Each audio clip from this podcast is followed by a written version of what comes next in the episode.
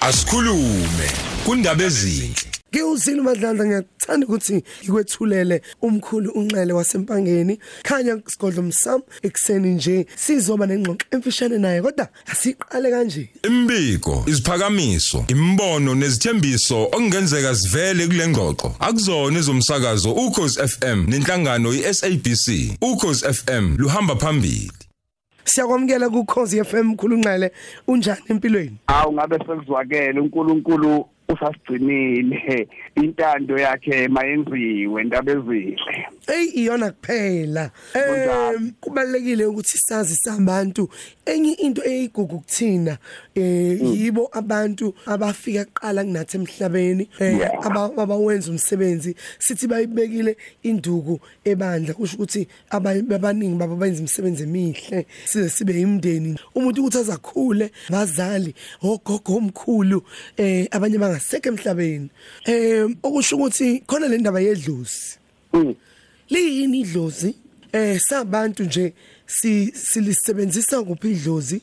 Eh nanokuthi nje sabantu bamnyama ikakhulukazi lisizaphi hey madlaza uthinta isihloko esikhulu ngenyanga yamasiko lapho sigqatsha khona ngobuthina nangomsuka nangeimpande zethu. Idlozi ke madlaza kufanele eh, umuntu olalele namhlanje acacisele ukuthini idlozi idlozi madlaza umuntu ofana nami nawe eh, ngelilanga ozodlula kulomhlaba uma edlula kulomhlaba bese eya ezweni lamathongo. Izwe lamathongo indawo la thina sonke bantu abansundu esikade siphila kulomhlaba uma sesidlula siya ke kwelamathongo sesiyoba ke yidlozi noma sibe yisidalwa njalo njalo ngendlela abantu ababiza ngayo. Idlozi njengamafuphi madladla umuntu osuke ephila emhlabeni wase eyadlula esekufika izinsuku zakhe zokuphela ukuphila. Eseya ke manje esendela koyisemkhulu lapho ke afike kaphenduke khona ke abe nomoya wobudlozi noma abe yidlozi noma abe yisidalwa madladla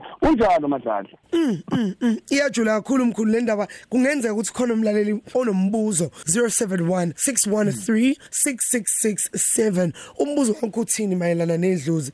Ngoba uyabona mesikhuluma indaba ukuthi amadlozi ayakhonzwa noma nje siyawazisa ukuthi babe khona obani nobani. Ngeke sizi sibakhohlwe. Uyabona mina njengoba ngumkristu nje eh kukhona into ekuthiwa ama saint okusho ukuthi o Saint Michael o Saint Francis ngoba okusho ukuthi bake baphila benza umsebenzi omuhle okhumbulekayo bese kuba khona izinsuku la bekhunjulwa khona. Ngiyakholwa ukuthi mkhulu nathi mesikhumbula odladla mhlophe onyazitha sikhumbule emalantela sisuke singabe isimo sokuthi siyakhonza kodwa siya sibheka imisebenzi yabo emihle abayenzile. Eh madladla asisobe eh salikhonza. Eh kodwa siyolazisa ngoba linemisebenzi yalo eliwenzayo uma umsamo wethu usikhanyisele kahle noma uma umuntu ola emhlabeni ethe umehamba eseya ezweni leli ke lamathongo esophenduka idlozi khona wafika kulelo lo noma wafika kuleyo ndawo wahlala khona. Asisobeke madladla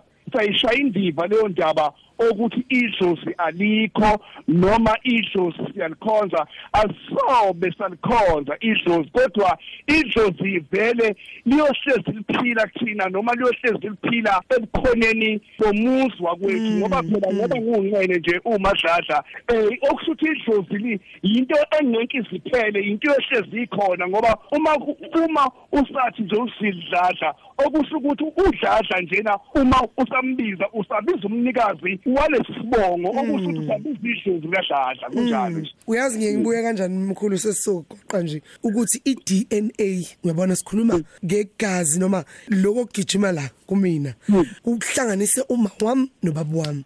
Akusoze kwangishiye kula emzimbeni wami uyayibona yona? Ingxenye omunye nomunye bobabili kula. Emzimbeni wami. So ke mkhulu ngike ngibheka kanjalo mina ngi- umbuzo engiwubona usuvela kabili lapha enkundleni zokuxhumana @ukhozi_fm @djzio for life. Omunye nomunye uyabuza ukuthi indaba yokuthwetshulwa kwedlozi kwenzeka kanjani?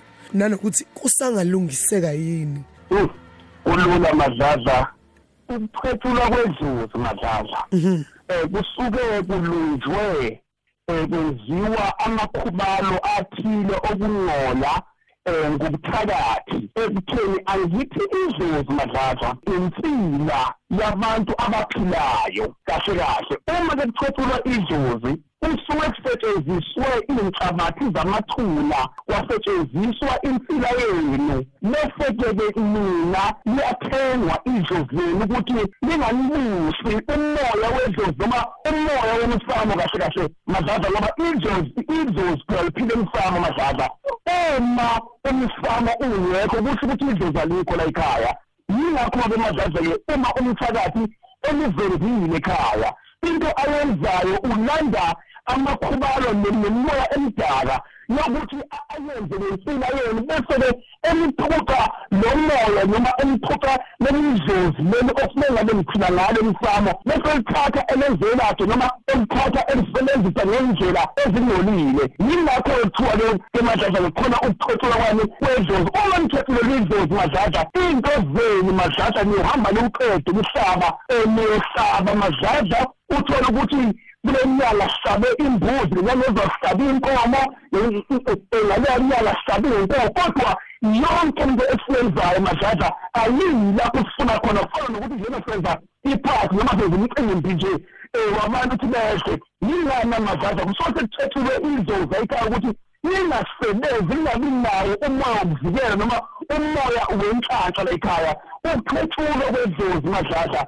Yinto ebuhlungu emndenini uma kuwukuthi ngempela bavumile ukuthi idlozi zithethulwe la ekhaya ngoba impilo yenu isuke izoma amadladla kuhlolwe kubonakala iy'lwane kubonakala iy'poko ebhekeni into engekho kanti kwathethulwa idlozi asemfama ukuthi ninganisebenzeli yonke eniyenzayo liyichithe kunjalo madladla asithi mkhulu-ke sesigoqo sesiphethe uthanda ukuthi akuthinde akuthole ukutholwa ngubunindaba akunenkinga amadladla umkhonqele nje lo wesigodlo khanya usamo phansi empayeni emakhaya asenginamzane ubheke njangubo lapho ngitholakala khona iy'nsuku nje madladla eziyisithupha ngaphandle kosuku lwesabathi ngingatholakali ngalo.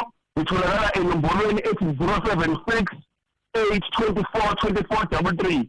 U-zero seven six eight twenty four twenty four double three. Ungangibamba-ke nasey'nkundleni zokuxhumana amadladla bengibambe ku-facebook page umkhuluncele instagram umkhuluncele naku-tiktok siyatholakala umkhuluncele ube neviki elihle sibonga isikhathi sakho nolwazi lakho. Mkhulunqele khanya isikole msami kukhozi FM esivakashele ohlelweni. Daba ezinhle asikhulume kundaba ezinhle.